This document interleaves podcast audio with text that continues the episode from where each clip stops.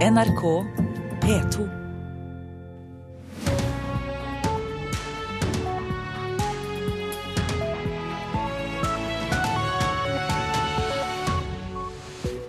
Velkommen til Nyhetsmorgen med Anne Jetlund Hansen i studio. Vi har mer om disse sakene den neste halvtimen. Regjeringen i Bolivia sier at landets viseinnenriksminister er drept av streikende gruvearbeidere. Skiforbundet innrømmer at de har gitt astmamedisiner til utøvere som ikke har denne diagnosen, og det fører til reaksjoner. Flere er kritiske til regjeringens tiltak mot mobbing, og frykter disse vil gjøre livet vanskeligere for mobbeofre. Først til Bolivia nå. Der melder regjeringen at viseinnenriksministeren er drept av streikende gruvearbeidere.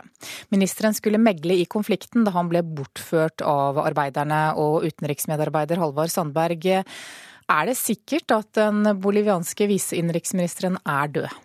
Det er det ikke. De har ikke sett noe lik, ikke noen kropp av denne, denne, personen. Han ble bortført, og han meldte noen timer senere til sin familie at han var tatt godt vare på og beskyttet mot gruvearbeiderne, så familien burde ikke bekymre seg i det hele tatt. Så forteller lederen for en radiostasjon som drives av gruvearbeidere, jo, han har sett han, han var død, han var slått i hjel, han lå på bakken med blodig nese og blodig ansikt. Nå er det slik at denne 56 år gamle viseinnenriksministeren, han hadde fra før hjerteproblemer, så det er mange mulige mekanismer til hans død som kan være bak her. Men at han skal ha blitt mishandlet av streikende gruvearbeidere, det kan det virke som. Men han ble bortført? Han ble bortført, ja. Han skulle megle i en konflikt som gruvearbeiderne har startet. De har sperret flere veier utenfor hovedstaden, og det er store trafikkproblemer. Dette har vart i noen dager. Så han ble sendt av gårde for å snakke med dem, og han var optimistisk i forbindelse med den snakkingen. Og så hørte de ikke noe mer fra han, og så bekreftet han selv at han var blitt bortført. Du, hvorfor er det så spent mellom gruvearbeiderne og myndighetene? Det er gruvearbeiderne som ønsker ti innrømmelser fra myndighetene som gjelder deres rettigheter, og det handler som, som mye annet om penger.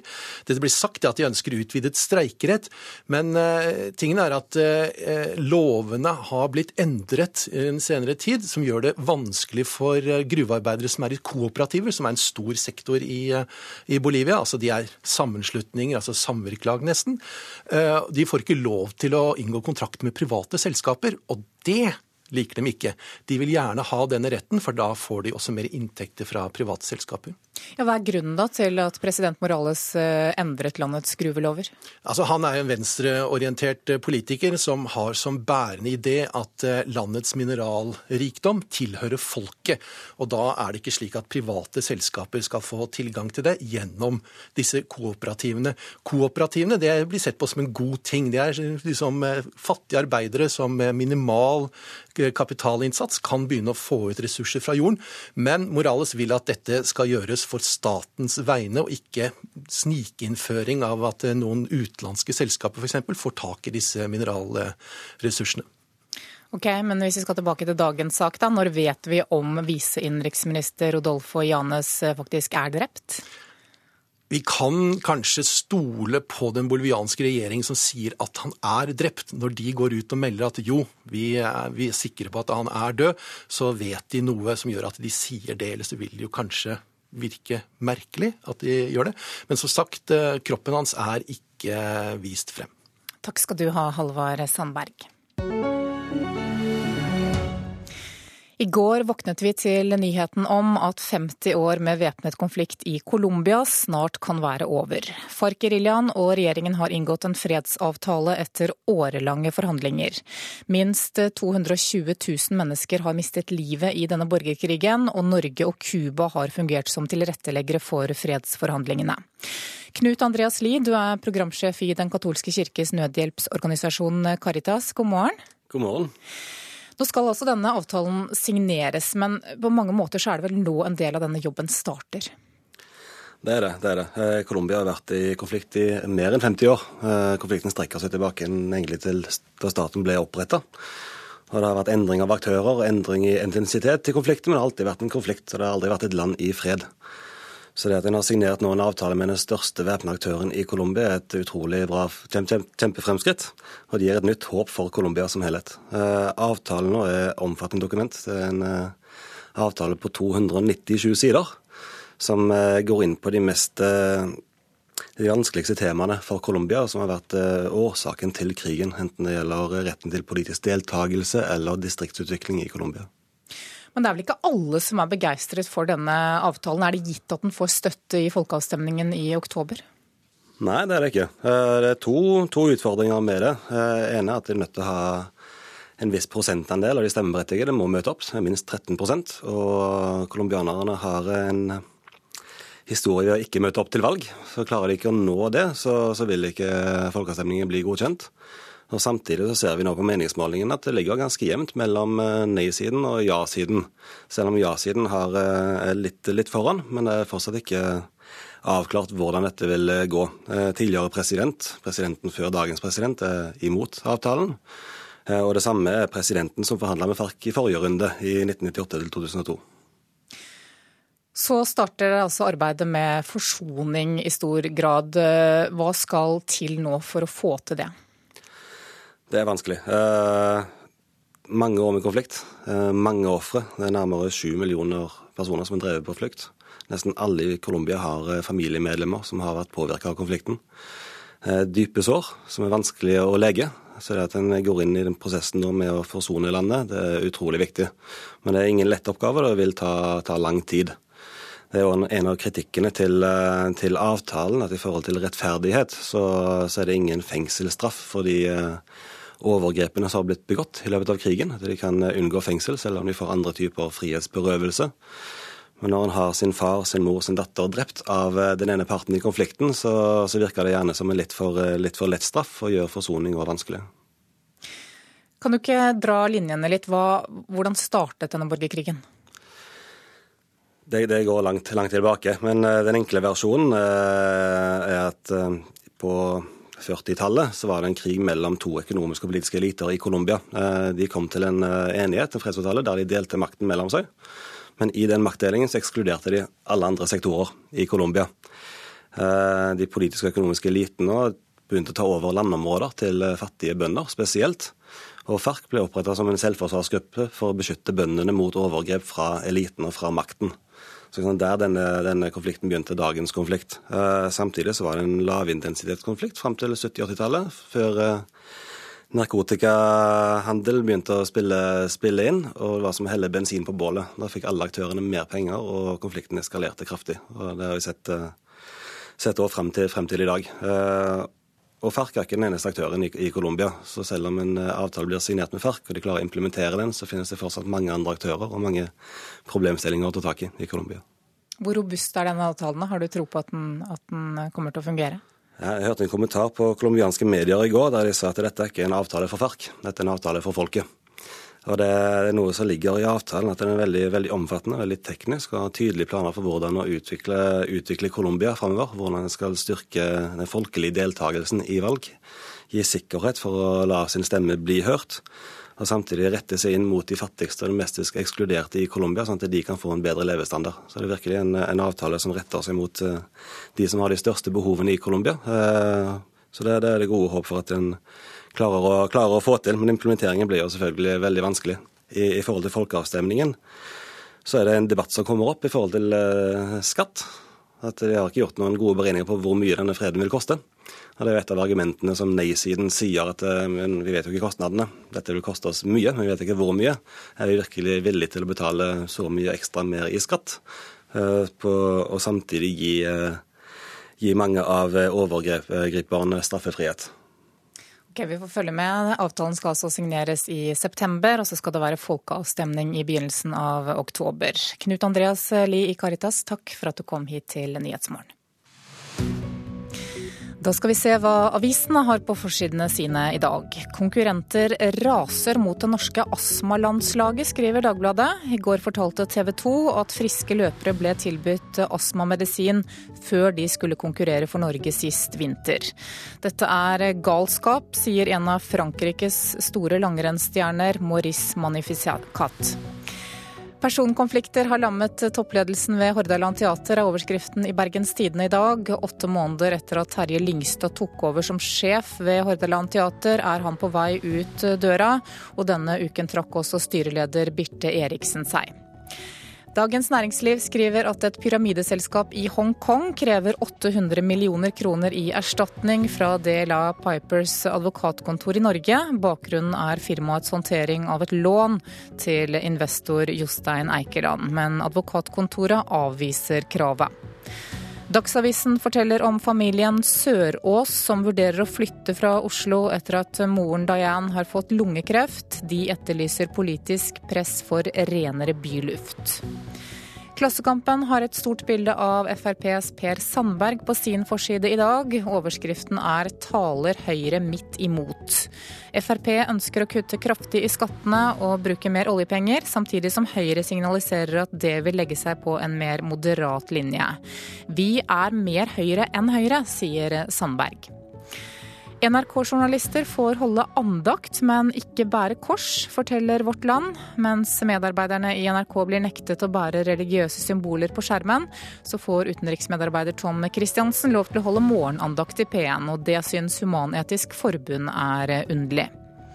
Nasjonen skriver at hovedkonkurrentene i kjøttbransjen vil samarbeide om hvordan markedet skal reguleres. Landbruksministeren frykter at dette vil svekke konkurransen. Aftenposten forteller at dronning Sonja har jobbet tett med Magne Furuholmen i over ett år. Disse stundene gir meg et pustehull, sier dronningen. Og i dag så stiller de to ut over 60 verker.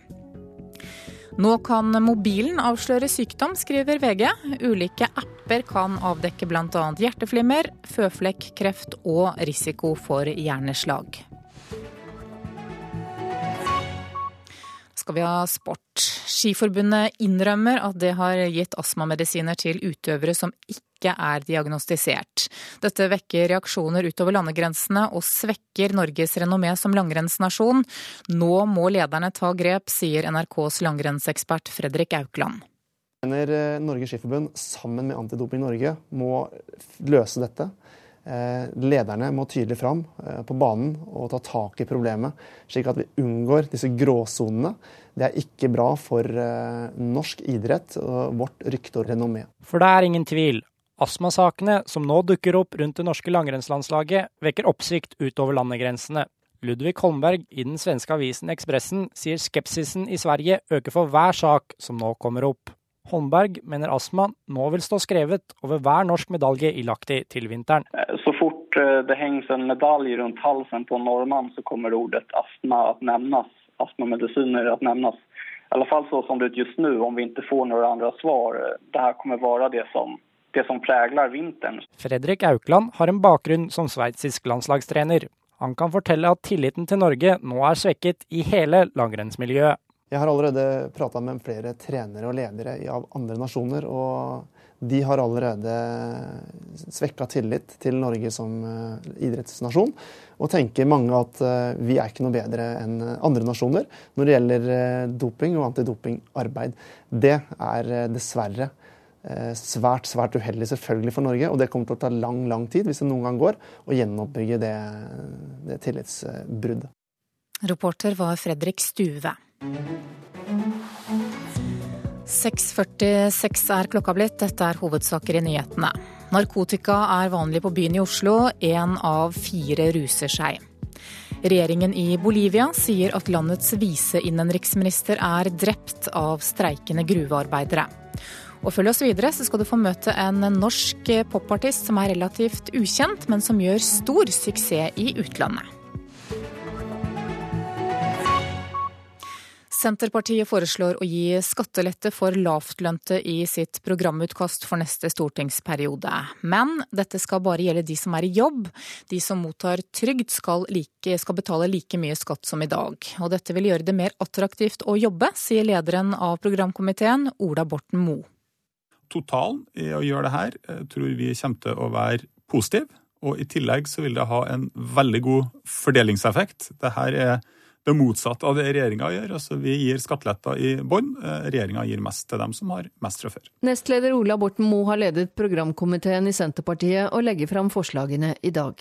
Vi foreslår et eget skattefradrag for de minst betalte jobbene. Altså for lavinntektsgruppene så foreslår vi et eget fradrag, redusert sats, som gjør at det lønner seg mer å jobbe. Men innretningen på skattekuttet er ikke klar, og det reiser minst to spørsmål for skatteekspert Guttorm Skjeldrup på Norges handelshøyskole i Bergen. Om det er sånn at det man sparer i trygd ved dette forslaget, er nok til å dekke inn skatteletten som gis. Det er du skeptisk til?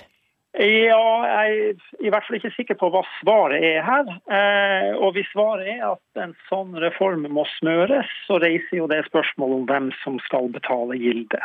Det kan bli veldig dyrt, ja, sier forsker Knut Rød på Frisch-senteret.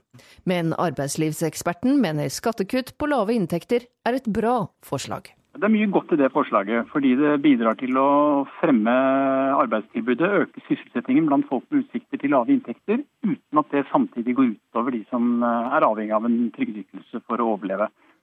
Reportere var Hedvig Bjørgum og Halvard Norum. Eksperter, advokater og foreninger som jobber mot mobbing har samlet seg om et opprop mot regjeringens nye mobbetiltak. De er redde for at tiltakene vil gjøre livet vanskeligere for mobbeofre og lettere for skoler som ikke tar mobbesaker alvorlig. Jeg tror det får store konsekvenser. Jeg tror at eh, barn og foreldre kan bare glemme å nå fram. Det de må gjøre for å redde sine barn og seg sjøl, er å flytte til skoler som har en helt annen praksis og håndtering enn det den skolen de går på, har. Det sier Ann Kristin Liland i Foreningen for foreldrenettverk mot mobbing. Sammen med eksperter, advokater og andre foreninger som jobber mot mobbing, har de samlet seg om et opprop mot regjeringens nye mobbeplan. De som har signert oppropet, tror regjeringens mobbetiltak vil gjøre det lettere for skoler som ikke tar mobbesaker på alvor. I forslaget står det nemlig at skoleledelsen skal varsles bare dersom læreren mener det trengs. Det går på barnets eh, rett til å mene noe. Eh, I det gamle lovforslaget så var det barnets subjektive oppfatning som gjaldt. Men her skal det nå være at det er læreren som bestemmer om barnet blir mobba eller ikke. Og vi vet alle som har gått på skolen at læreren får ikke med seg alt som skjer i klasserommet eller i skolegården. Gaute Bjørnsen er mobberådgiver. Han er også blant dem som har signert oppropet mot regjeringens nye mobbeplan. Bjørnsen frykter at regjeringens forslag vil føre til at færre mobbesaker avdekkes. Og Ofte ser en i argumentasjon til, til skoler når, i klagesaker at skolene lister opp tiltak de har satt i verk for å si vi har gjort så mye. Men oftest er tiltakene basert på en benektelse av elevens ø, opplevelse og av forfeila eh, tiltak i forhold til å oppnå trygghet. Så eh, konsekvensen er at skolene skolene enda, enda lettere kan mm, unnlate å tro på elevene og vri seg unna sitt ansvar. Kunnskapsminister Torbjørn Røe Isaksen fra Høyre er ikke enig i at den nye mobbeloven svekker barnas rettssikkerhet. Hvis et barn melder fra om mobbing på en skole, så er det, der det i seg selv gjør at du skal gå inn i situasjonen, og du skal se hvilke tiltak som må settes i verk. Og Det har vært stort engasjement i den høringsrunden som har vært nå. Og Det har kommet flere gode innspill også, som vi kommer til å lytte til for å gjøre forslagene våre enda bedre. Og for å styrke barnas rettssikkerhet. Det er det avgjørende i det, de lovforslagene som vi skal legge fram. Kunnskapsdepartementet skal nå gå gjennom alle høringssvarene før saken skal behandles av Stortinget i løpet av høsten. Reporter her var Anette Holt Hansen. Og regjeringen får mer kritikk. Kravet om at du må ha gode mattekarakterer for å bli lærer i kunst og håndverk er feilslått politikk fra regjeringens side. Det mener flere høyskoleledere som utdanner lærere. Denne uken har innovasjons- og utdanningseksperter advart om at manglende satsing på praktiske fag i skolen kan få alvorlige konsekvenser for Norge. Ved Høgskolen i Sørøst-Norge var det bare fire studenter som begynte på faglærerutdanningen for kunst og håndverk i år. Vi må tenke på nytt på hvordan vi skal få studenter. Jostein Sandven er instituttleder ved Institutt for forming og formgiving ved Høgskolen i Sørøst-Norge. Der utdanner de fremtidens lærere, men ved en av linjene var det svært få som møtte til studiestart i år. Fagene de underviser i der het kanskje sløyd, søm og forming da du gikk på skolen. I år så er det fire studenter som har begynt. De siste 15 årene har det jevnt og trutt blitt færre som ønsker å bli kunst- og håndverkslærere. Men det virkelig bratte fallet startet for bare to år siden. Det skjedde samtidig med at regjeringen innførte sine karakterkrav i matte og norsk, sier instituttlederen. Det har bl.a. med norsk og mattekrav å gjøre, ja.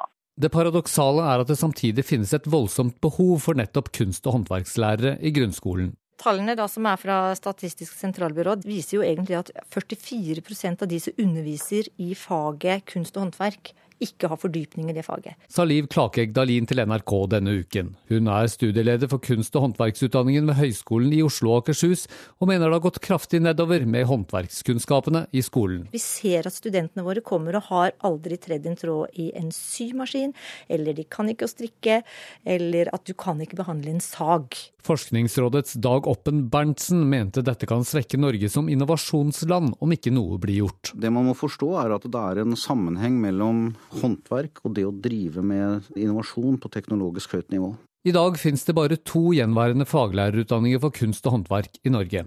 Høgskolen i Volda måtte legge ned for to år siden fordi det ble for få søkere.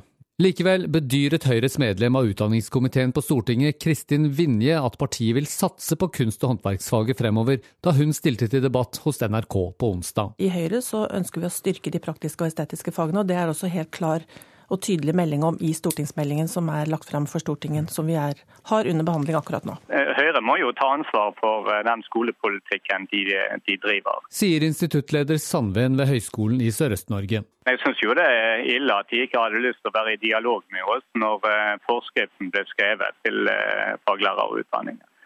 Så det får de jo ta selvkritikk på. Det får bli hans ord. Jeg mener vi har hatt en betydelig dialog. Men en dialog betyr jo ikke at vi overlater beslutningen til dem. Det sier Bjørn Haugstad, som er statssekretær for Høyre i Kunnskapsdepartementet. Vi mener det skal være høye krav for å bli lærer i norsk skole. Det må også gjelde disse lærerutdanningene.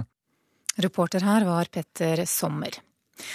Nå skal du få møte en norsk popartist som nesten ingen nordmenn har hørt om. Ikke har hun vært å høre her i NRK, og ikke er hun å finne på VG-lista, men suksess, det har hun. Oh, when you lie, I don't know the truth, those red alarms. På et gatehjørne i Londons Soho triller det ut noen smakebiter av en låt som de færreste nordmenn har hørt noe som helst av.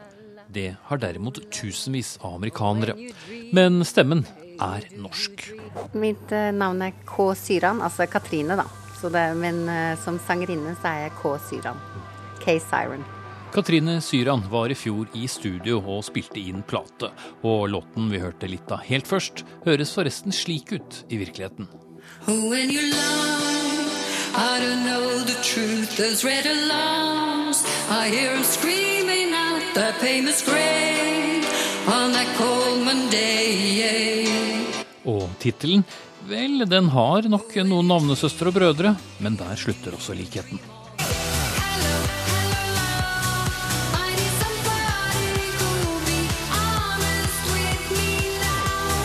Det har gått fantastisk nå i Amerika og i England også. Så nå er jeg på topp 40 chartlisten i Billboard, så det er helt utrolig. NRK møter Katrine Syran på en av Londons mange klubber, hvor hun bor og arbeider og lever litt av livet sitt. Resten tilbringes enten i Oslo eller i Genéve, hvor mannen og de fire barna bor. Der drev hun også mye med teater, testet ut forskjellige musikksjangere, og det var det en som likte. Og så ble jeg oppdaget av Paul Sutton, som jobber med Phil Collins og Jackson Brothers og disse. Og han introduserte meg da til en stor producer i, i London.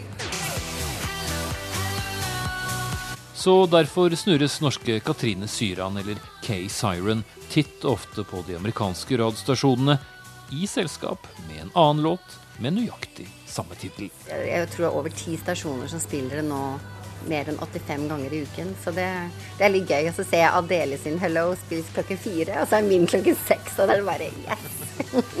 og mer blir det. Altså, de har jo puttet nå 'Hello' opp for Grammy Awards, til og med. De tror så mye på denne sangen. Så de mener at eh, til januar så er det fullt på alle radiostasjoner, eller alle, men mange radiostasjoner i Amerika. Og så, og så um, håper de på at uh, jeg kommer med en singel før albumet mitt. Så det, det er det de planlegger nå.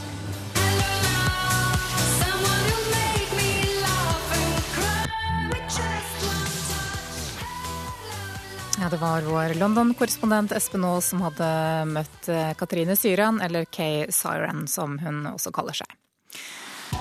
Da skal vi se på et værvarsel som gjelder til midnatt. I Sør-Norge blir det regn, regnbyger og mulighet for lokal torden. Nedbøren går først inn på Sørlandet og når Trøndelag, og når Trøndelag om ettermiddagen. Det ventes lokalt store nedbørsmengder på Vestlandet i dag. Utover ettermiddagen og kvelden blir det lettere vær østafjells. Det blir skiftende vindforhold med periodevis kuling på kysten. Nordland får spredt regn i nord, ellers skiftende skydekke og perioder med sol. Om kvelden kommer det regn sørfra inn i Helgeland. Rolig vind, men utpå dagen nordøstlig liten kuling på kysten. Troms og Finnmark perioder med regnbyger, men lite nedbør i Øst-Finnmark og på vidda. Vestlig liten kuling på kysten av Finnmark, ellers rolig vind. Og på Spitsbergen er det ventet nordvestlig liten kuling utsatte steder i dag. Litt snø i nord, ellers opphold og perioder med sol. Så tar vi med temperaturene som ble målt klokka fem. Da hadde Svalbard lufthavn én grad, Kirkenes sju, Vardø åtte, Alta, Tromsø og Bodø ni, Brønnøysund ti, Trondheim 9, Molde 12, Bergen 14, Kristiansand 17, Gardermoen 16, Lillehammer 14, Røros 7 og Oslo-Blindern hadde 17 plussgrader klokka fem i morges. Klokka er 7.03 nå. Nyhetsmorgen fortsetter i P2 og Alltid nyheter med disse sakene. Folk som er ute på byen i Oslo ruser seg mer enn jevnaldrende ellers i landet. Det er slutt på champagne og kaviar når oljebransjen samles i Stavanger. I år blir det lite luksus under oljemessen. Og så skal vi til vår korrespondent i Italia for å få siste nytt fra jordskjelvområdet. Som vi hørte i Dagsnytt, én av fire ute på byen i Oslo ruser seg på narkotika som cannabis, kokain og MDMA. Det viser spyttprøver tatt utenfor ulike utesteder over hele byen. Folkehelseinstituttet er bekymret. Fredagskveld og ut på byen. Øl, vin og sprit flyt, men det gjør også andre rusmidler. Ja, det går mye hasj og marihuana. Noen bruker kokain. Kokain, MDMA. Alt. Mest weed, men det er jo alltid fra IE til ja, kokain, liksom. Mm. Jeg setter på badet, på toalettet og sånt. Men det har vært veldig diskré. Det er ikke sånn at folk står åpenbart og Folk som er på byen i, i Oslo, har et vesentlig høyere rusmiddelbruk enn eh, befolkninga for øvrig i samme aldersgruppe. Sier Anne Line Bredtvil Jensen ved Folkehelseinstituttet. Sammen med flere andre forskere har hun tatt spyttprøver og snakka med 1100 personer utenfor forskjellige utesteder i Oslo. Stort sett studenter og unge voksne i jobb. Vi ble overraska. Eh, vi har aldri sett så høye tall i noen undersøkelser i Norge før. Hver fjerde person hadde brukt narkotika i løpet av de to siste døgnene, ifølge spyttprøvene. Én av sju testa positivt på kokain, like mange testa positivt på cannabis, og 2% hadde brukt MDMA eller ecstasy. Det bekymrer.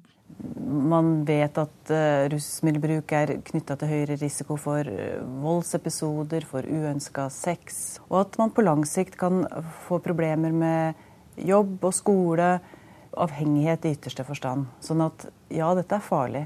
Så selv, eh, selv en bruk hver tredje-fjerde uke vil eh, ha en risiko for at man pådrar seg eh, problemer man ellers ville unngått.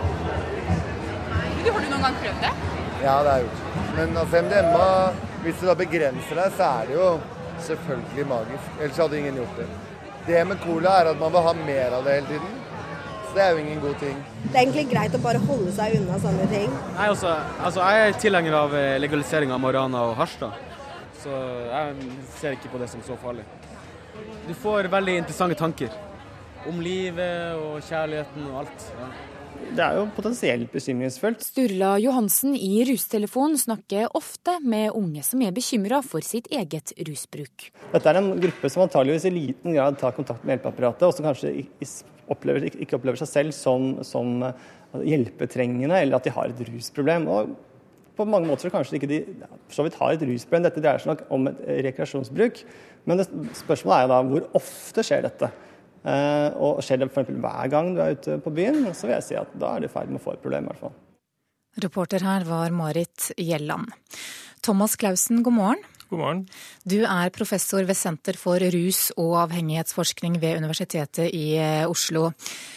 Hva skal til for at unge blir avhengige av stoffer som de bruker når de er på fest? Ja, altså Utviklingen av avhengighet eh, henger sammen med hvor mye og hvor ofte et rusmiddel brukes. sånn at det handler om eh, gjentatt bruk over tid før man vil utvikle eh, skadelig bruk eller avhengighet. Så, så, det er jo de som bruker det regelmessig og i perioder daglig, og hvor, hvor rusmiddelbruken tar i økende grad overhånd og dominerer livet. Hvor mange er det som blir avhengige? da? Ja, det, det, er ikke så godt å si helt konkret, men, men, og det vil være litt forskjellig for de ulike rusmidlene. Men eh, kanskje et eller annet sted mellom 10 og 20% av de som eh, er brukere av et rusmiddel, vil senere utvikle eh, kanskje skadelig eh, bruk eller avhengighet.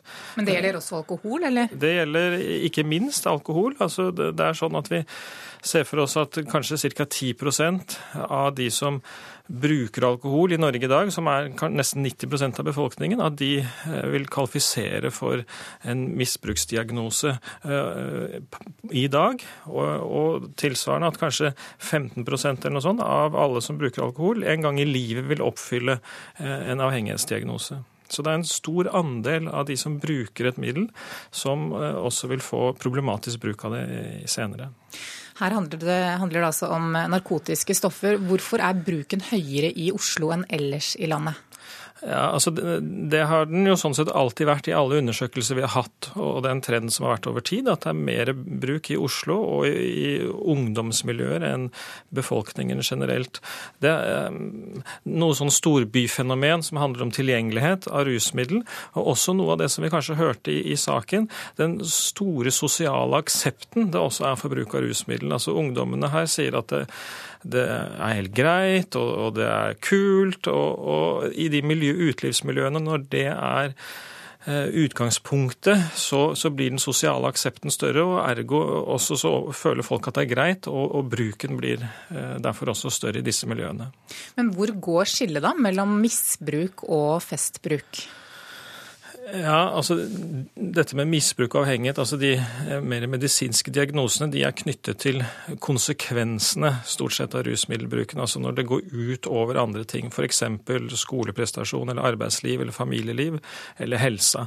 Så, sånn at det er når det er knyttet negative konsekvenser til bruken, at man, og, og, og det tar i, i, større grad overhånd, det er da man snakker om eh, mer disse eh, rusmiddelavhengighetstilstandene. Og så hørte vi i innslaget her at uh, disse, bruk av disse narkotiske stoffene gir større risiko for vold og uønsket sex f.eks. Men det gjelder vel også de som f.eks. drikker store mengder sprit. Er det farligere med disse stoffene? Uh, Nei, altså jeg er enig med deg. Dette gjelder bruk av rusmidler generelt. Og, det å bli utsatt for dette gjelder også i alkohol og rus. Men det er ofte sånn at rus, de illegale rusmidlene kommer i tillegg til alkohol. Og f.eks. kokain som et eksempel er et veldig potent uh, stoff som, uh, som, nok setter folk i en sterkere rus enn en, uh, andre rusmidler. Og, og, risikoen da knyttet til det å komme inn i en ulykkessituasjon eller bli en kriminell, altså gjøre et eller annet kriminelt, altså det, den type ting, er større for noen av disse rusmidlene. Ok, Det er fredag. Folk får ta med seg dette inn i helgen. Takk skal du ha, Thomas Clausen, professor ved Senter for rus- og avhengighetsforskning ved Universitetet i eh, Oslo.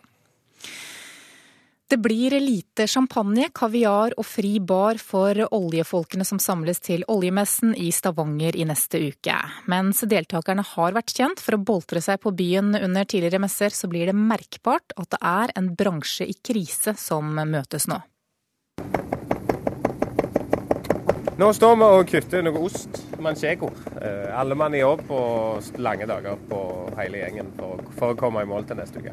Det er travle dager på kjøkkenet hos cateringselskapet Matboden i Stavanger.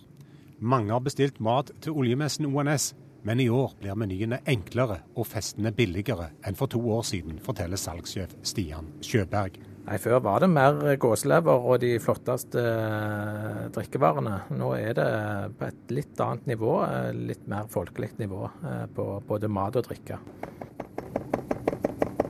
Før var det litt sånn bånn gass, og det dyreste var det som gjaldt og sånn. Så nå er de veldig opptatt av hva de skal bruke penger på, og gjerne spare inn. Dette sier landslagskokk Karl Erik Pallesen, som driver restauranten Fisketorget. I år er det slutt på at ett selskap kjøper opp hele restauranten for en kveld, med fritt valg fra menyen. Nei, altså Jeg har drevet Fisketoget to ONS-er, og det var første året var det virkelig eh, det som jeg kaller gale. Da var det høy champagnefaktor og kanapeer, og det betydde ingenting. Fri bar osv. Så og i år så det, har de store selskapene som har vært i kontakt med oss, i hvert fall vært veldig påpasselige med hva, hva de skal bruke penger på, rett og slett. Nei, Vi har gått fra champagne og russisk kaviar til gøysaft og Mils på tube og knekkebrød. Så, og det tror jeg er riktig. Det sier Tore Kristiansen, konsernsjef for rørgrossisten SFF. Kristiansen er òg kjent som eier for ishockeyklubben Oilers, og innom ishallen der riggingen til messen er i full gang. Vi, vi må sette litt eh, tæring etter næring. Nå er det tøffe tider i bransjen vår, og da må vi gjennom en diett. Og da får dietten være at vi kanskje bruker mindre penger på unødvendige ting, og bruker mer penger på salg, markedsføring og teknologiutvikling. Hadde det vært litt usmakelig òg, når, når en tenker på alle de eh, som, som, nå sitter uten jobb på, på utsida av ONS?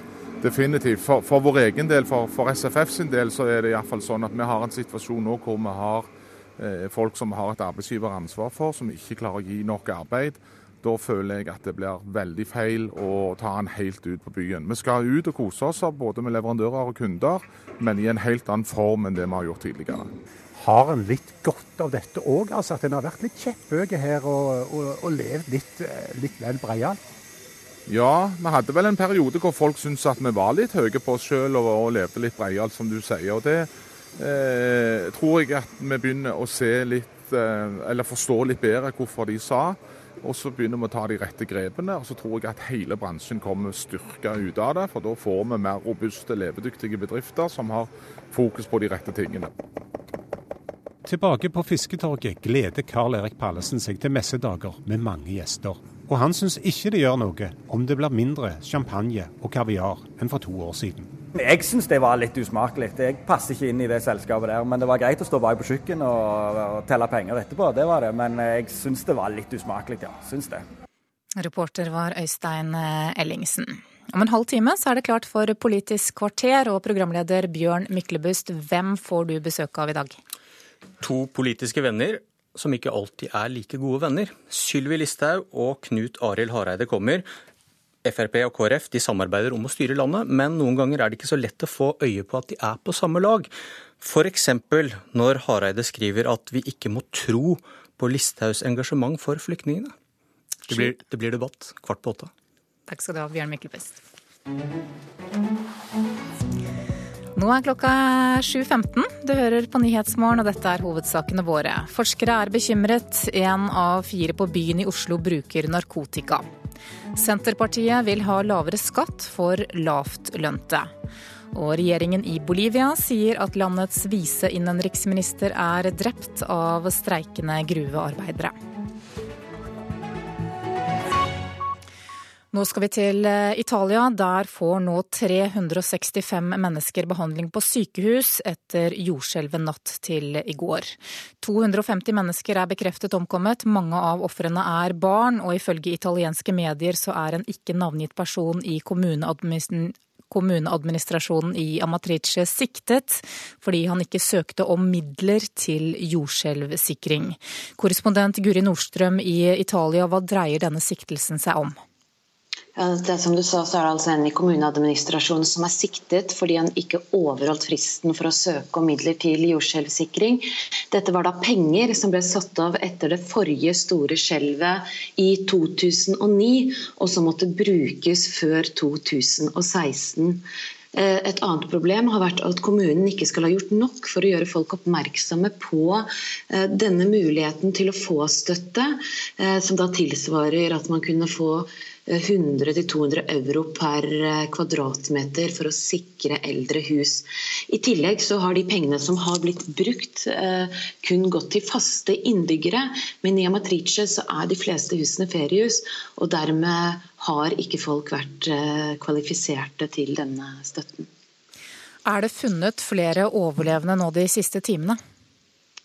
Dessverre så har det ikke kommet nyheter om det. Men redningsarbeiderne fortsetter jobben. De gir ikke opp håpet. Under dette forrige skjelvet 2009 så fant man overlevende så sent som tre dager etter at skjelvet skjedde. Så her håper man jo fortsatt på mirakler. Men de mange etterskjelvene gjør selvfølgelig arbeidet vanskelig. I dag morges for eksempel, så våknet jeg av at senga ristet i halv syv-tiden. Da var det nok et etterskjelv som denne gangen målte 4,7 på Richters skala. Altså var det sterkere enn det vi opplevde i går, som var på 4,3. Så dette gjør jobben veldig vanskelig. Du har jo vært i de rammede områdene de siste dagene. Hva gjør mest inntrykk? Ja, det er så mye, men det verste er jo det at man ikke helt vet hvor mange som er fanget i ruinene. Eh, landsbyene som er hardest rammet, de har jo utgangspunktet få innbyggere, men fordi det er sommerferie og fordi det er en stor eh, matfestival her i området, så er det også mange besøkende akkurat nå. Eh, og så er det jo det å se folks hjem rett og slett være så ødelagt det er eh, avrevne vegger hvor man kan se rett inn i dagligstua, til opphengt klesvask, til oppdekkede middagsspor. Det er så utrolig tydelige spor at her var det et helt vanlig hverdagsliv eh, for bare et par døgn siden. Og det kommer veldig tett på når man er i området. Landets eh, statsminister har lagt frem en plan for området. Hva innebærer den? Ja, nå er det innført unntakstilstand i området. Eh, og Da statsminister Renzi besøkte området på onsdag, eh, så lovet han at det skal bygges opp igjen at det skal bevilges 50 eh, millioner euro. Men flere av innbyggerne jeg har møtt her, sier at de ikke tror det vil skje før de ser det. Det har jo også kommet fram her at hele 70% av alle bygninger i Italia ikke oppfyller dagens krav til jordskjelvsikring. Eh, og hver gang det er et nytt skjelv, sies det, eh, så legges det frem forslag om forbedringer. Eh, men så forsvinner det hele i byråkrati. Og det er jo nettopp det som også er en av ankepunktene i forhold til den siktelsen som nå er tatt ut mot en i kommuneadministrasjonen i Amatrice. Takk skal du ha, Guri Nordstrøm, direkte med oss fra Italia. Skal det handle om eh, Iran, som den siste tiden har forbedret forholdet til omverdenen. Det internasjonale samfunnet opphevet tidligere i år sanksjonene mot landet. Det skjedde etter at atomavtalen med fem faste, de fem faste medlemmene av FNs sikkerhetsråd samt Tyskland og EU. Landet fikk ny president i 2013, da Hassan Rouhani vant eh, valget. Og Aud Lise Norheim, du er Norges ambassadør til eh, Iran. Velkommen. Takk. Hvor avgjørende har Rouhani vært for Irans forhold til verden rundt? Han har vært helt uh, avgjørende, fordi det var han som da satte i gang atomforhandlingene igjen og var veldig innstilt på at dette skulle gå uh, gjennom og finne fram til en forhandlingsløsning, og det har, uh, det har de klart. Og så har han da alle utfordringene som kommer med å skulle oppfylle avtalen på hjemmebane. Ja, Hva er de største der? De største, de største utfordringene er jo at det fremdeles er deler av det iranske maktapparatet som er motstander av, av avtalen. fordi at det er klart at revolusjonsgarden og andre har jo tjent på å ha sanksjonene. Eh, sånn at de er mer Og de vil vel også gjerne at eh, at, Vesten på en måte ikke skal lykkes med å åpne. De vil på en måte legge skylda på, på Vesten hvis dette ikke går i orden. Eh, og samtidig så har vi eh, den amerikanske valgkampen som, en, som også er en utfordring for, for, Iran og for Rouhani å, å, å få gjennom avtalen, få den ordentlig oppfylt. Og han har den store utfordringen da å oppfylle forventningene til befolkningen. For den store, store delen av den iranske befolkningen er veldig glad for avtalen og ser for seg at dette skal føre til store bedringer i egen livsstandard og leveforhold. Ja, For nå er jo altså straffetiltakene eh, opphevet. Hva har det gjort med økonomien i landet? Det har nok ikke ført til de store endringene foreløpig, fordi at eh, det tar tid å få på plass alle de systemene som skal når du opphever sanksjonene. Én ting er å gjøre det, men det skjer ikke over natta at det i rent praktisk forstand skjer noe. Og fremdeles så er det jo en del eh, spesielt bankoverføringer og bankenes, utenlandske bankers involvering i, i Iran som, eh, er, som, det er mye usikkerhet omkring. Sånn at foreløpig så er nok forventningene større enn realitetene når det gjelder hva som har skjedd av endringer i, i, iransk økonomi. Men det er klart at når sanksjonene er opphevet og det er mulighet for å handle med utlandet, så er jo det, skaper jo det i seg selv en egen dynamikk. Ja, for Vår egen Børge Brende var jo i Teheran i forrige uke, og Norge og Iran har altså underskrevet en avtale om utvidet samarbeid. Hvordan er mulighetene for norsk næringsliv i Iran? Jeg tror, øh, tror, tror at øh, mulighetene er store. Det har vært mye interesse fra norsk næringsliv helt siden avtalen ble undertegnet i fjor sommer, og selvfølgelig økt da etter at sanksjonene ble opphevet. Vi, er, ser stor interesse fra maritim sektor, så tenker jeg både skip og olje, alt som er tilknyttet olje, oljeindustrien. Vi ser det på fornybar energi, vi ser det på fiskeoppdrett, som kanskje er, og fiske, fiskeanlegg, den teknologi knyttet til det. Og norsk industri, eh, norske bedrifter har et veldig godt rykte på seg i Iran, sånn at vi blir eh, godt tatt imot. Så jeg tror mulighetene er store for de som, som satser. Det er mye snakk om eh, kvinners posisjon når vi snakker om Iran. Hvordan er det å være kvinnelig ambassadør i et land hvor du forventes å dekke hodet, og ikke kan ta presidenten i hånda?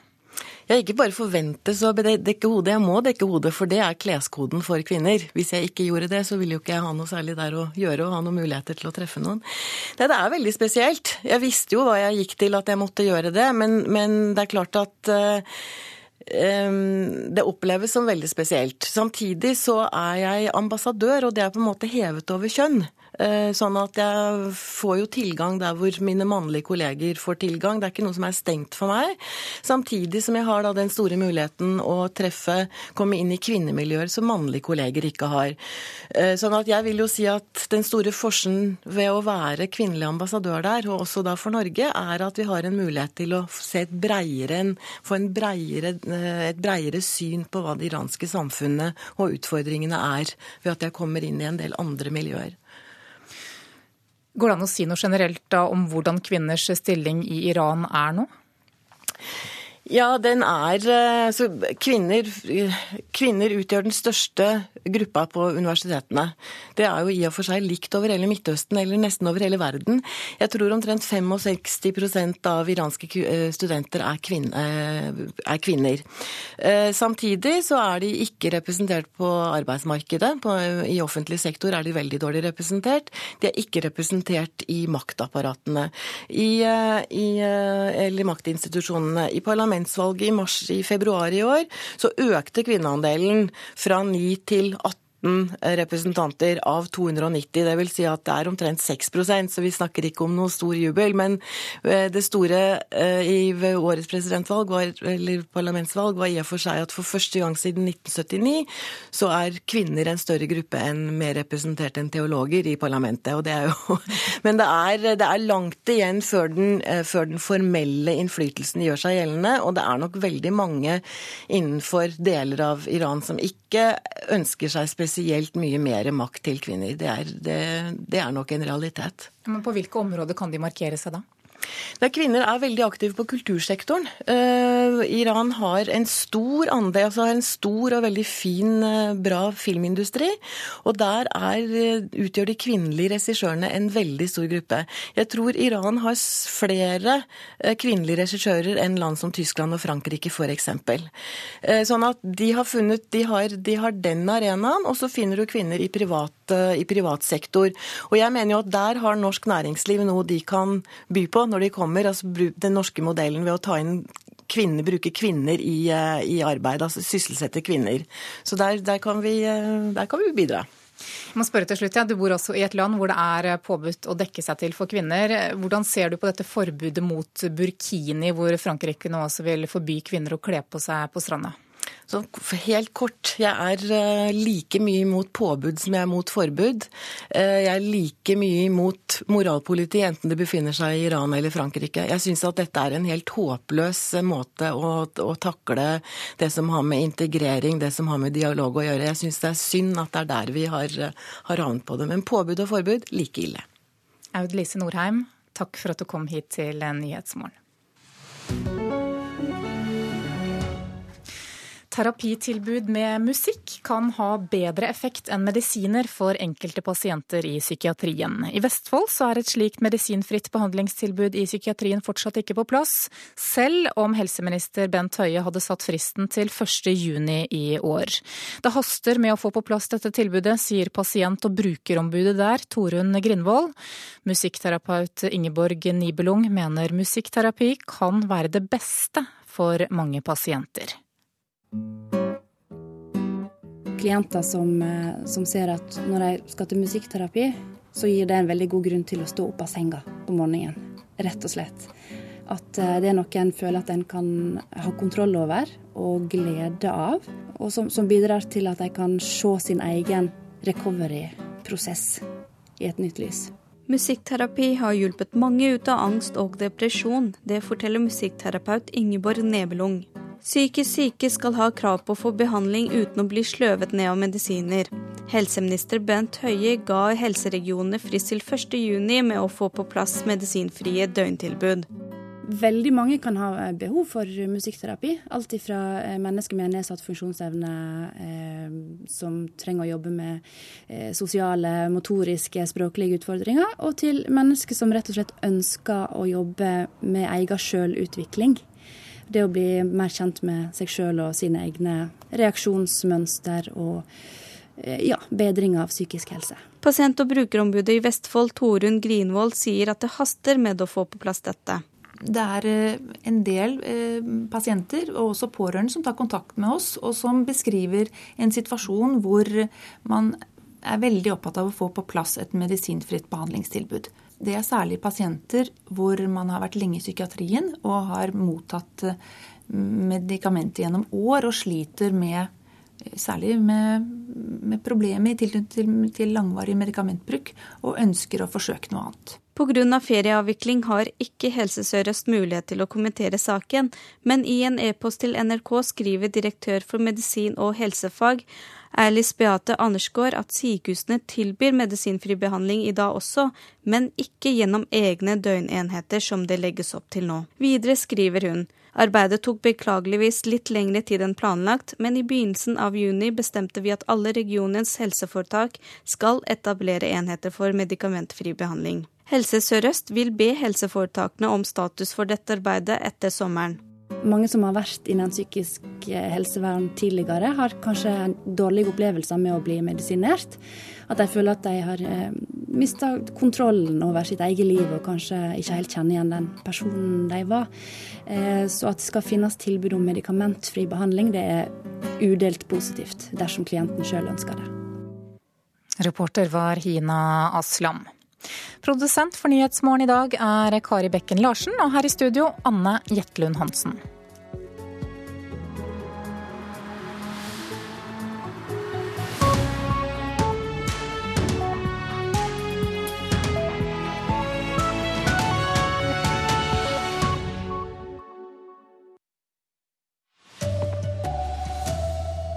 Narkotika er vanlig på byen i Oslo. Én av fire ruser seg.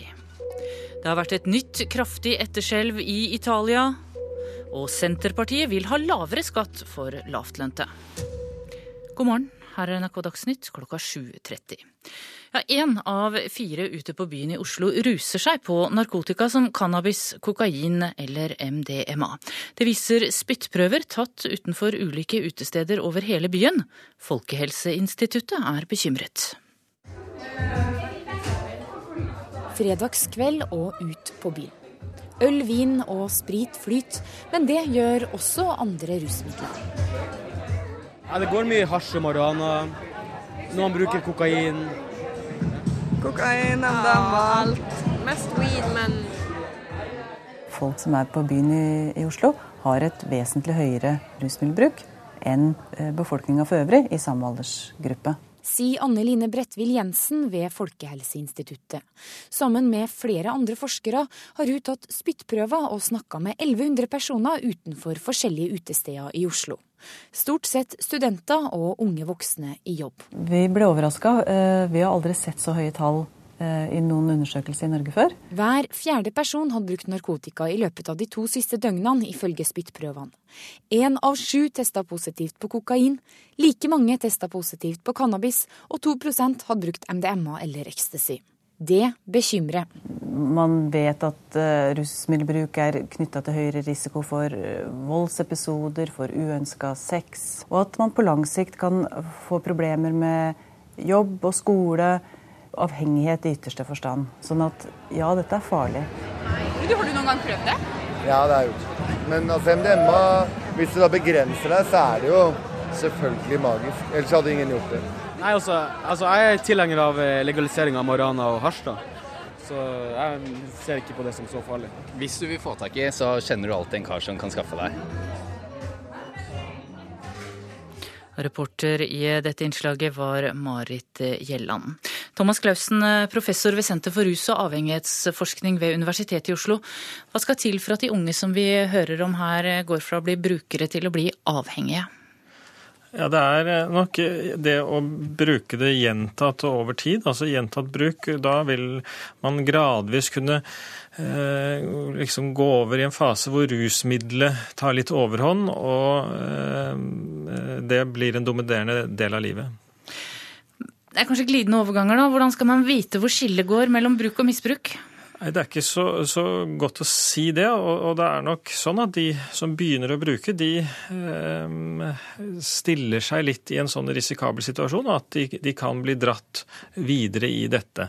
Det er en andel av alle som begynner å bruke, som senere vil få problemer, i størrelsesorden kanskje 10-20% Så det er en betydelig andel av de som bruker, som vil senere få betydelige problemer knyttet til rusmiddelbruken. Det ser ut som narkotikabruken er mer omfattende i Oslo enn andre steder i landet. Hva vet dere om det? Jo, altså Det er nok en trend vi har sett over tid, og som uh, henger sammen med, eller, eller, som er et bilde av storbymiljøet. Den litt liberale holdningen til rusmidler og, og rusmiddelbruk som vi også hører i saken. Hvilke råd vil du gi da til unge som uh, syns at det kan være spennende å, å bruke narkotika av og til? På den ene siden så kan man godt forstå at unge og ungdom vil eksperimentere og prøve ut ulike ting i voksenlivet, men, men eh, vi vet ikke riktig, og ingen vet om de er blant de 10-20% som senere vil få problemer. og Det er sånn sett litt et sjansespill å, å begynne å bruke de, de, potente og illegale rusmidlene. Eh, og det er sånn at det henger sammen eh, skadeomfanget for individ og samfunn med forbruket eh, generelt i, i samfunnet. Takk skal du ha, professor Thomas Clausen. Så til Italia. Der har det vært et nytt etterskjelv i dag tidlig. Det kraftigste siden det store jordskjelvet natt til onsdag. Til nå er det bekreftet at 250 mennesker har mistet livet etter jordskjelvet på onsdag. Korrespondent Guri Nordstrøm, du er med oss fra Italia. Hvordan opplevde folk dette nye skjelvet nå i morges? Dette var et uh, skjelv som målte 4,7 på Richters skala. Det skjedde altså i halv syv-tiden. Jeg våknet selv av at uh, sengen ristet her. Dette hadde episenter rundt fem km nordvest for Amatrice, som da er den byen som er hardest rammet. Og det er jo klart at disse etterskjelvene gjør arbeidet og redningsarbeidet som fortsatt pågår, veldig mye mer komplisert. Man vet ikke hvor mange som ligger i eh, ruinene fremdeles. Er det funnet flere overlevende de siste timene? Nei, dessverre så er det ikke kommet noen nyheter om det nå.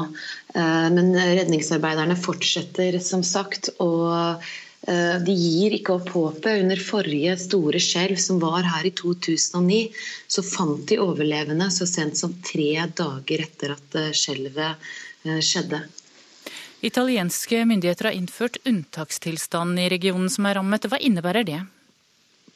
Ja, De har innført unntakstilstand, i tillegg til at statsministeren har lovet at, det skal bygges eh, opp igjen, og at det skal bevilges 50 eh, millioner euro.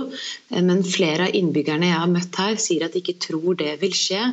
Det er jo slik at hele 70% av alle bygninger i Italia ikke oppfyller dagens krav til jordskjelvsikring.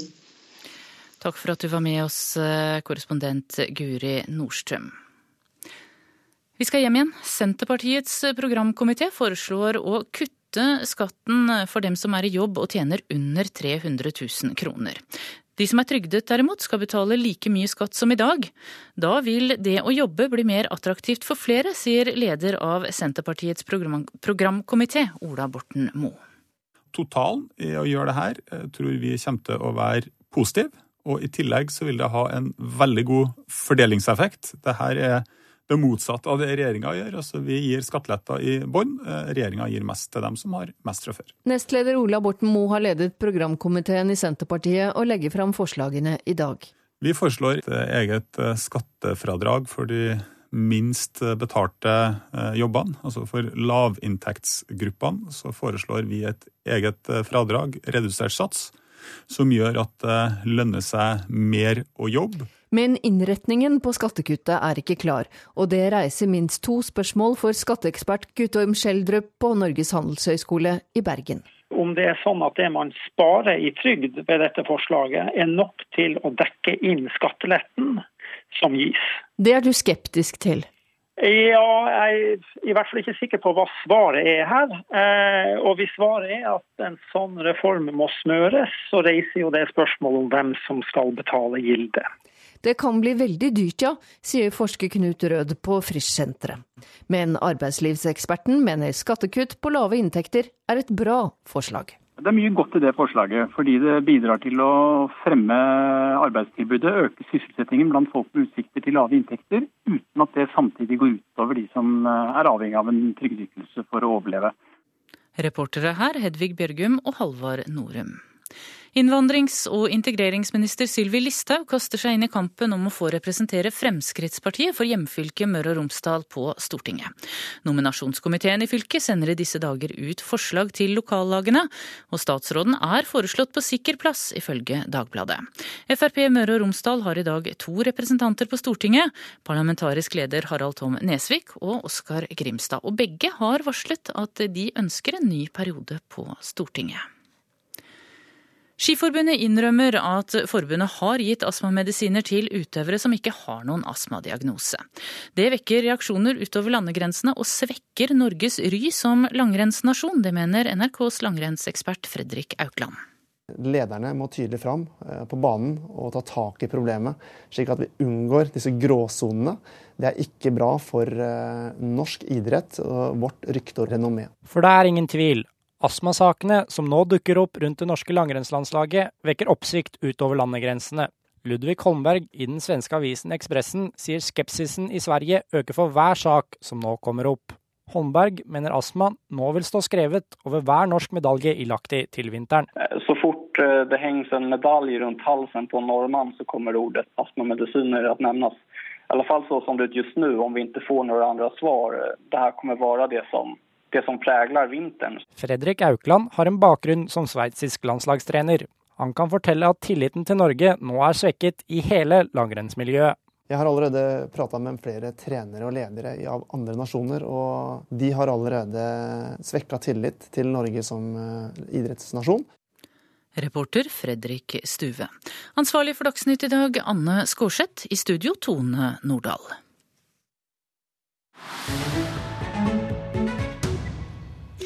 Klokka er 7.40, eh, og i Nyhetsmorgen nå skal vi til USA. Der beskylder Hillary Clinton Donald Trump for å ha alliert seg med ekstreme høyregrupper.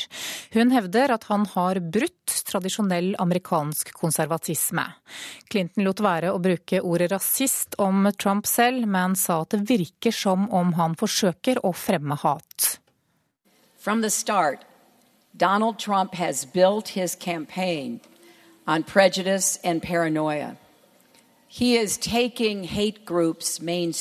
Helt fra starten har han bygget kampanjen på fordommer og paranoia. Han gjør hatgrupper stuerene og lar en radikal yttergruppe ta over det republikanske partiet, sa Hillary Clinton. Det siste var en referanse til at direktøren for Breitbart News på ytterste høyre fløy har overtatt som øverste sjef for Trumps valgkamp. Som illustrasjon siterte hun noen overskrifter fra Breitbart.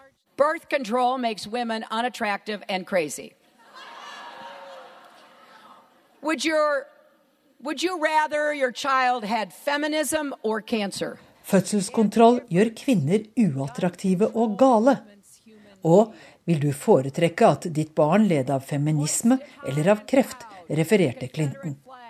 Hun viste også til at det måtte flere runder til før Trump tok avstand fra den tidligere Ku Klux Klan-lederen David Duke, hvis radiostasjon for noen dager siden kringkastet en som skrøt av å ha tatt over det republikanske partiet, ifølge Clinton. We appear to have taken over the Republican Party, one white supremacist said. Duke laughed. No, there's still more work to do, he replied. Duke mente altså at det gjensto en del arbeid før overtakelsen var fullbrakt. Uten å kalle Trump selv rasist, gikk hun langt i å antyde da hun omtalte hans påstander om at Obama trolig ikke var amerikansk borger for noen år siden. He promoted the racist lie that President Obama is not really an American part of a sustained effort to delegitimize America's first black president. Han fremmet den rasistiske løgnen at presidenten ikke er amerikansk statsborger, som en del av forsøket på å delegitimere Amerikas første svarte president. Og i 2015 startet han valgkampen med en annen løgn, da han beskrev meksikanske innvandrere som voldtektsmenn og kriminelle, sa Hillary Clinton. I en åpenbar appell til uavhengige velgere og republikanere som misliker Trump sterkt, karakteriserte hun ideene til Trumps nye kampanjeleder og hans forbundsfeller slik. This is not conservatism as we have known it. This is not republicanism as we have known it. Ideas, Dette er ikke konservatisme eller republikanisme som vi kjenner den. Dette er rasistiske, antimuslimske og kvinnefiendtlige ideer, og det har aldri skjedd før at en rasistisk yttergruppe har tatt over et av de store partiene, sa Clinton. Under en tale tidligere på dagen hadde Donald Trump kommet henne i forkjøpet. When democratic policies fail, they are left with only this one tired argument. You're racist, you're racist, you're racist. They keep saying it. Når demokratisk politikk feiler, har de bare dette ene argumentet igjen. Du er rasistisk. Det er et avskyelig argument. Og det er så forutsigbart, sa Trump. Clintons tale var et forsøk på å plassere Donald Trump utenfor det politisk akseptable og hun refererte i den sammenheng til noe republikaneren Bob Dole sa da han takket for nominasjonen på landsmøtet for 20 år siden.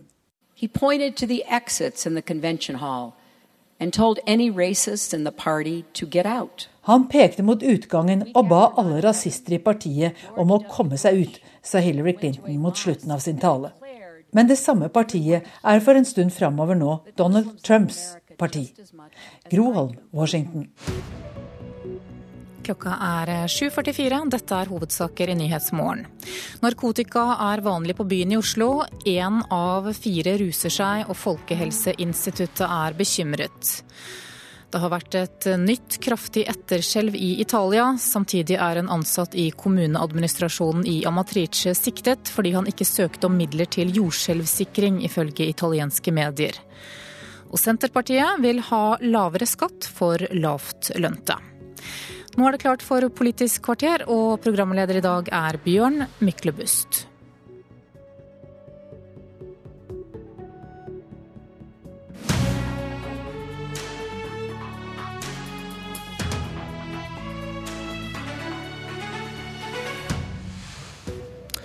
Ikke tro på Sylvi Listhaugs engasjement for flyktningene, sier Knut Arild Hareide. For Fremskrittspartiet er skyldige i et milliardran. De sier de vil hjelpe, men ingen vil ta mer penger fra de fattige. Her sitter begge to. Hvem trenger fiender med slike borgerlige venner? Men aller først, nettopp inn. Skal jeg se om jeg klarer å lese mine egne kråketærnotater her, Sylvi Listhaug. Førsteutkast til nominasjonslista til Frp i Møre og Romsdal. Førsteplass Harald Tom Nesvik. Andreplass Sylvi Listhaug. Tredjeplass Jon Georg Dale. Gratulerer med plass på Stortinget. Ja, Nå er det vel et stykke fram til det nominasjonsmøtet skal være. Men jeg er veldig glad for å være innstilt. fordi at Møre og Romsdal er det fylket der jeg er født, oppvokst. Og jeg har et veldig nært forhold til Ørsko og gården hjemme. Så der føler jeg meg hjemme. Og jeg syns det er fantastisk hvis jeg får muligheten til å representere fylket som har skapt så mange gründere og verdier, og som er så viktig for hele landet. Og andreplassen den har jo vært ganske trygg i mange år. Men det betyr også at Oskar Grimstad, som hadde ønsket gjenvalg, han takket da nei når han ikke fikk fast plass lenger.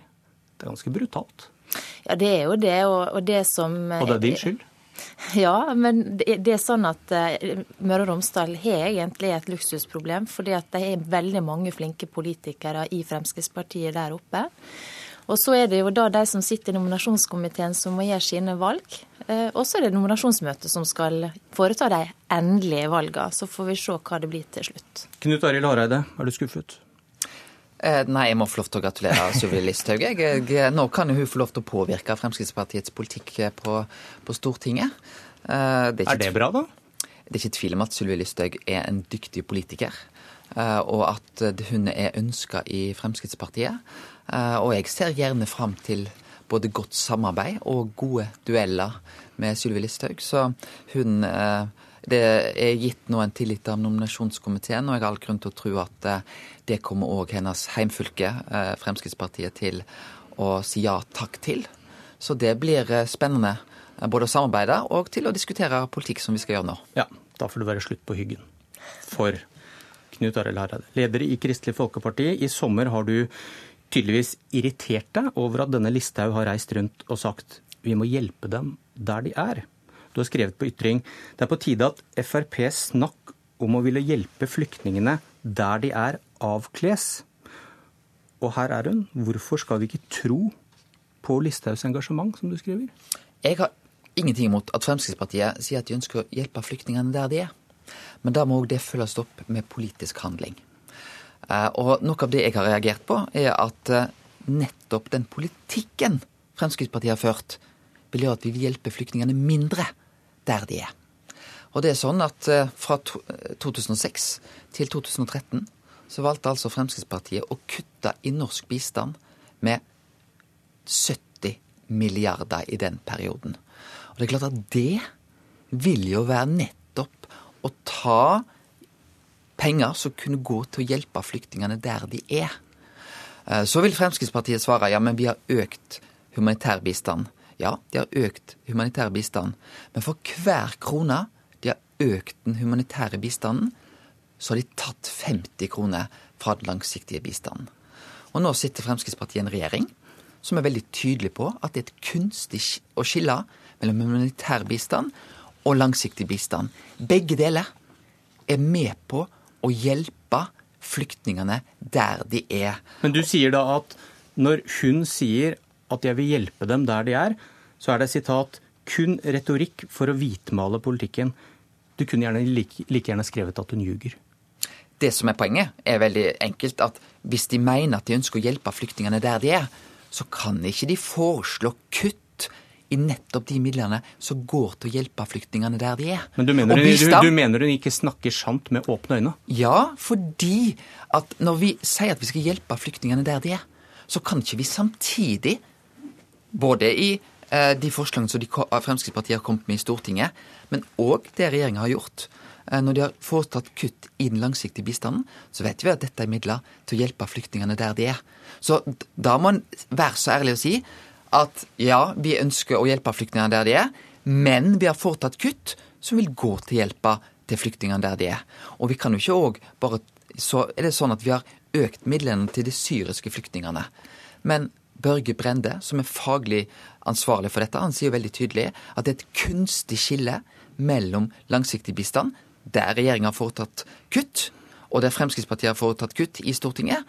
Og det må Fremskrittspartiet stå til ansvar for. Ok. Sylvi Listhaug, ingen må tro på ditt engasjement for flyktningene, sier han her. Du snakker ikke sant? Jeg er veldig forundra over dette angrepet fra KrF og Hareide. Rett og slett for at vi de tre siste åra nå har inngått budsjettforlik som innebærer en god satsing på bistand. Der vi har vridd det i retning av å satse mer på utdanning, på vaksine, på helse. Som er veldig viktige faktorer. Var Det er den eh, veien som vi har vridd bistanden. Men var det, din, var det, din, idé? Ja, Nå er ikke jeg bistands, eller ut, uh, utenriksminister, men det er rette veien å gå. Men så kan man jo stille spørsmålstegn ved det med prioriteringer. Ved forrige, eller dette årets budsjett så var bl.a. et forslag fra regjeringa å ta 50 millioner kroner som, i, som brukes til lobbyorganisasjoner som skal jobbe inn mot norske myndigheter, altså ansatte her i Norge, istedenfor å hjelpe dem, bruke det til mat, til medisiner og hjelpe der ute. Hoved, Så jeg er litt sånn forundra over prioriteringene til KrF, for det virker som at de er mer opptatt av hvor mye penger som brukes, istedenfor å se på hvilke resultat som gis, og om de når fram dit de skal. Men hva svarer du på hovedangrepet hans, at dette er et milliardran på 70 milliarder kroner over mange år, som Frp har villet ta fra uhjelp. Og derfor så snakker du ikke sant når du sier at du vil hjelpe dem der det. Det viktigste vi kan gjøre, det er å åpne for internasjonal handel. Det er det som har brakt millioner av mennesker ut av fattigdom. Se til Østen. Det er mange land der som har mottatt veldig lite uhjelp. Man har hatt en fantastisk utvikling. I Afrika så er det pøst inn masse milliarder i uhjelp over mange år. Og vi ser hvordan det er gått. I mange land har ikke det vært spesielt eh, god utvikling. Sånn at internasjonal handel er det viktigste vi kan gjøre for å få i gang eh, eh disse landene. Eh, og det som jeg nok en gang vil si, er at det virker som KrF er mer opptatt av summene, hvor mye man bruker, istedenfor å være mest opptatt av resultater. Jeg ønsker å hjelpe disse personene best mulig. Derfor har f.eks. regjeringa økt den humanitære innsatsen i nærområdene til Syria. Fordi vi ser at personene der de trenger mat, de trenger hjelp, de trenger utdanning, barna. Ellers så vil mange flere også ønske å komme til Europa. Så Disse tingene henger sammen. Og Hvis man ikke tror på bistand, Hareide, men på handel og investeringer, da er det kanskje ikke løgn og dobbeltkommunikasjon, men bare politisk uenighet? Men Fremskrittspartiet sitter i en regjering som sier at de tror på langsiktig bistand. Og, de, og den regjeringa sier at det er et kunstig skille mellom humanitær bistand men du, og langsiktig bistand. Mot, men du argumenterer, når du tar disse 70 milliardene, så argumenterer du mot FrPs primærpolitikk, ikke regjeringens omforenede politikk. Det stemmer. Samtidig så har òg Fremskrittspartiet i regjering vært med på kutt i den langsiktige bistanden så seint som i det budsjettforslaget de la fram eh, i fjor eh, høst. Men så er det helt riktig. Handel har veldig stor betydning for at vi har fått millioner ut av fattigdom. Men det er jo ikke vi uenige om. Eh, og vi er òg enige om at vi er nødt til å gjøre bistanden bedre. Eh, men vi skal også vite det, at når eh, Det internasjonale valutafondet har sett på hvilken bistand som fungerer, så kommer den norske bistanden, den skandinaviske bistanden ut langt bedre enn hvis vi tar f.eks. Eh, USAs, Frankrike sin bistand. Nettopp fordi vi er gode på å ikke ha en egeninteresse i vår bistandspolitikk. Vi er opptatt av å gi økonomisk vekst. Og ser vi altså da på hva forskerne har sagt rundt eh, den skandinaviske norske bistanden, så ser vi at den er òg med på å gi vekst til afrikanske land, eh, til land i Asia, eh, til òg land i Sør-Amerika, som vi òg har fått bistand til de siste årene. Så ja, handel har størst betydning. Vi er nødt til å gjøre bistanden vår enda bedre. Det er vi helt enige om. Men norsk bistand gir effekt. Den gir fattige mennesker bedre muligheter.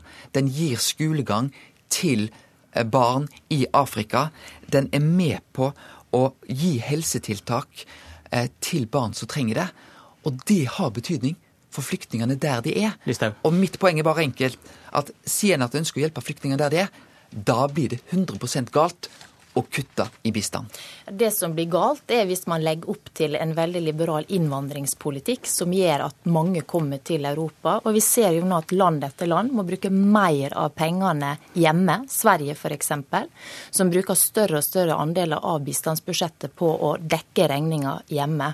Så har jo den innvandringsdebatten som har pågått i Norge, vært et løpende seminar. Det starta med Jonas Gahr Støre som ønska 10 000 i fjor. I valgkampen så var det diskusjon om at det 8000 som man var enig om ikke var nok, så man ønska å øke det. Så kom den store strømmen. Så skulle man stramme inn. Og nå er diskusjonen igjen om man skal ta imot flere flyktninger. Så det er et uh, løpende seminar. Og, du, du, og det men, som er problemet du, med det, nei, er at du kan ikke bruke pengene to ganger. Nei. Du kan ikke både bruke de samme pengene på å ta imot flyktninger og hjelpe i nærområdene. Men si- Derfor så mener jeg også at det er viktigst å Si- Siden du åpna den døren. Du har kritisert Støre knallhardt, og du kritiserer Hareide knallhardt når de ønsker seg flere kvoteflyktninger. Eh, har dere spurt de 31 000 som kom i fjor, om hvorfor de kom hit? Ja, En del av dem kom fordi de ønska et bedre økonomisk liv. Hvordan, få- hvordan, hvordan vet du det? Har dere spurt de 31 000 om hvorfor de kom hit? For påstanden din er at en del av, dette ble, en del av dem kom fordi Støre sa det han sa, og nå advarer du mot Hareides eh, ønske om å hente flere kvoteflyktninger. Det sender et uheldig signal. Så har dere gjort jobben med å finne ut hvorfor de kom. For dere kan jo spørre de gjennom disse intervjuene. Ja, Nå var jo jeg oppe i Vadsø og snakka med politimesteren og politifolka som sto på grensa når folk sykla over der. Og Det de sa, var at flere da ga uttrykk for at Norge hadde åpna opp og skulle ta imot 8000. Her er jeg. Mange av de sa at nå, de ønsker å komme dit for å jobbe, Men for dette- å få en bedre økonomisk framtid. Men dette er ikke forskning. Du kunne ha spurt de 31 000 for å finne ut om disse harde påstandene dine faktisk stemmer. Men det er jo asylintervju som blir gjennomført, der man da avdekker om man har reell behov for beskyttelse, Ja, men har, har, du, ønsk, har du har ønsket å finne ut om disse 31 000 hva som er beveggrunnen deres til å komme? For da kunne du fått sjekka hypotesen din. Om Hareide da sender farlige, farlige signaler, eller om påstanden ikke holder. Ja, Som sagt så er det jo det man avdekker i intervjuer, om man har en reell beskyttelsesgrunn eller ikke. Ja, men Det er er jeg- ikke det samme som om signalene fra Støre er gått fram, eller om beskyttelsesgrunnen Nei, men- er reell. Men det er jo ganske åpenbart sånn at de landene som har hatt en liberal politikk, har fått mange. De som har vært strengere, har fått få. Så at det har en sammenheng, det er det ingen tvil om. Og Men vi kommer tilbake hele tida til det samme, nemlig at du kan ikke bruke pengene to eh, ganger. Du må velge, og da mener jeg at nærområdene er det viktigste. Svar på det, Hareide, fordi du gjør valg du også. Du sier at vi kan gjøre begge deler. Vi kan hjelpe flyktningene der de er, og vi kan hjelpe med å hente enda flere kvoteflyktninger hit nå. Men du gjør da valg du også. Du vil ikke ta imot 30 000, og du vil ikke sende 50 milliarder som vi kunne brukt i kontantstøtte og sykelønn til nærområdene, selv om de trenger det. Selvfølgelig er vi nødt til å gjøre valg. Men det er klart at når vi ikke kutter i bistanden, så gjør vi òg at det kommer færre til Norge og til Europa. For da er vi med på å legge forholdene til rette til at flyktningene kan få bedre liv der de er. Men forskjellen Men, på hjerterom er akkurat der KrF legger lista, da, på 3000 Jeg- kvoteflyktninger mer eller noen milliarder mer i bistand? Jeg tror ikke vi skal si at eh, vi har eh, Der akkurat vi bestemmer, der ligger hjerterommet. Men nettopp at vi ikke kutter i bistand, gjør jo at det kommer færre flyktninger hit. For da legger vi til rette for at eh, flyktningene kan få bedre liv der de er. Så nettopp det å kutte i bistanden, det kaller det òg har en egeninteresse for Europa eh, og for, eh, for Norge. Okay. Men når jeg har sagt at vi skal ta imot kvoteflyktningene, så er jo det fordi at vi har altså sagt at vi skal ta imot Antatt vi tar imot 30 000. Så langt er det kommet 1500 Ja, den, den, dette året. den har vi hørt før. Ja, men, Vi- vi- ja, jeg- jeg- jeg må siste-. Ja, jeg må bruke det siste minuttet Hareide, til å spørre deg. Du satt i et møte i går om grønt skatteskifte med de andre borgerlige partilederne. Eh, dere er uenige om bensinprisen skal opp eller ned. Det er kanskje det vanskeligste punktet. Er du mer positiv etter at du gikk ut av møtet? Jeg syns det var et godt møte i går. Er du mer positiv enn da du gikk? Ja, det er jeg. Ja. Så ble det ikke gjort noen enighet på, på det møtet i går. Men eh, Trine Skei Grande eh, og jeg vi fortalte til statsminister Erna Solberg og finansminister Siv Jensen hva vi mener vil gjøre budsjettet for 2017 bedre og gjøre det et grønt perspektiv. Så får vi se 6. oktober om de har lytta til oss. Så du vil bli mer optimistisk av å høre på deg selv og Grande. Takk for at du kom til Politisk kvarter, og takk til Sylvi Listhaug. Dette var Politisk kvarter. Hør flere podkaster på nrk.no podkast.